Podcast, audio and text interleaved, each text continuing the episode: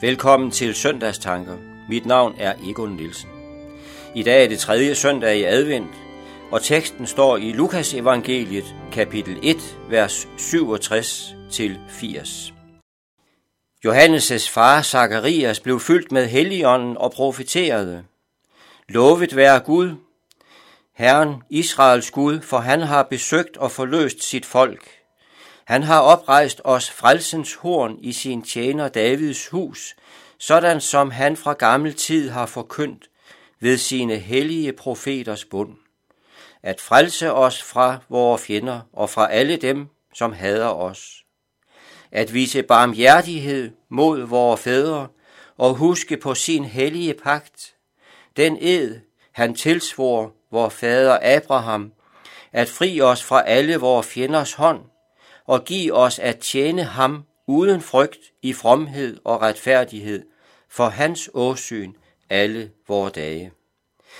Og du, mit barn, skal kaldes den højestes profet, for du skal gå foran Herren og bane hans veje og lære hans folk at kende frelsen i deres sønders forladelse. Takket være vor Guds inderlige barmhjertighed, hvormed solopgangen fra det høje vil besøge os, for at lyse for dem, der sidder i mørke og i dødens skygge, og lede vores fødder ind på fredens vej. Drengen voksede op og blev stærk i ånden, og han var i ørkenen til den dag, da han skulle træde frem for Israel. Amen. Det vi læste her har overskriften Zakarias' lovsang. Zakarias var præst og gift med Elisabeth. En dag Zakarias skulle bringe røgelsesoffret i Herrens tempel, viste Herrens engel sig for ham ved alteret.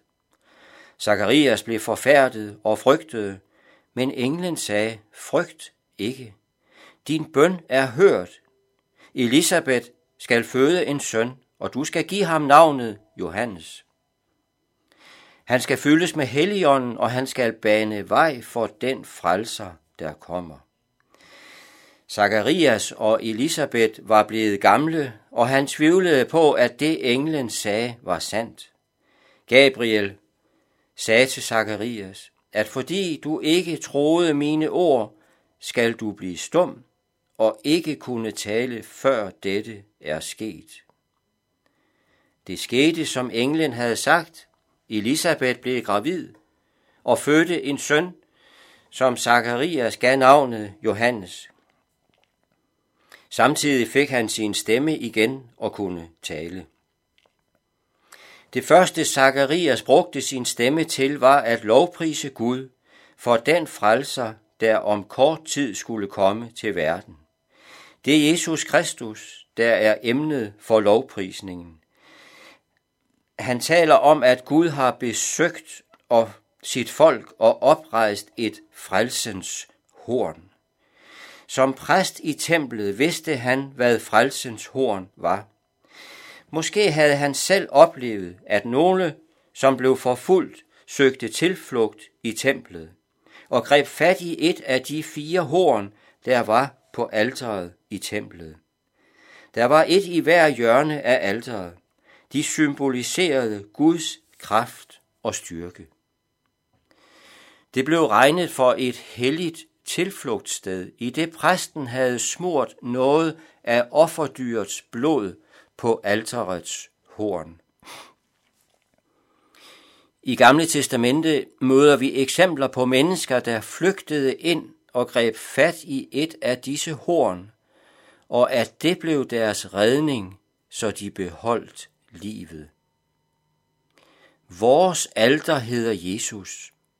Han er frelsens horn for os.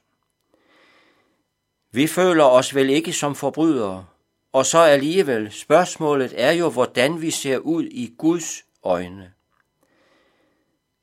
Han som ser alt, ikke bare i det ydre, men motiverne bagved vores ord og handlinger. Han ved, hvad vi har brug for, og netop derfor har han oprejst os et frelsens horn. Et sted, hvor vi må flygte hen til. Et sted, hvor vi ikke bliver afvist, men hvor vi bliver modtaget, fordi dette er gjort færdigt netop for syndere som os. Her må vi søge tilflugt for Guds hellige vrede over synden i vores liv. Her er det ikke offerdyrets blod, der er stænket på alteret, men Jesu blod. Det blod, som renser og borttager al synd, som vi kommer med og som vi bekender for ham. Så højt elskede, og så højt elsker han mennesker, også dig og mig. Og fordi det skete, at Jesus led og døde en stedfortrædende død for alle, og fordi han vandt livet tilbage, kan han frelse og sætte fri, både fra politiske besættere og fra syndens skyld, som skiller os fra Gud. Jesus er det frelsens horn, som vi må søge tilflugt og beskyttelse hos for al nød og fare, der truer os i vores liv. Det gælder både for åndelige og timelige forhold. Det, der sker her, er, hvad Gud op gennem hele Gamle Testamente havde lovet og talt om gennem profeterne. På grund af sin barmhjertighed og nåde mod mennesker, opfyldte han nu det, som han havde sagt. I Nytestamente møder vi ofte sætningen, det skete, for at det, der er talt ved profeten, skal opfyldes. Gud er trofast mod sit eget ord og mod de løfter, som han har givet. Zakarias ved fra Gud, at Messias er ved at komme. Og når han kommer, bliver det som en solopgang. Dagen bryder frem, lyset kommer. Men det er ikke, at solen stiger op nedefra i horisonten. Nej, han kalder det solopgangen fra det høje. Lyset og redningen kommer fra himlen.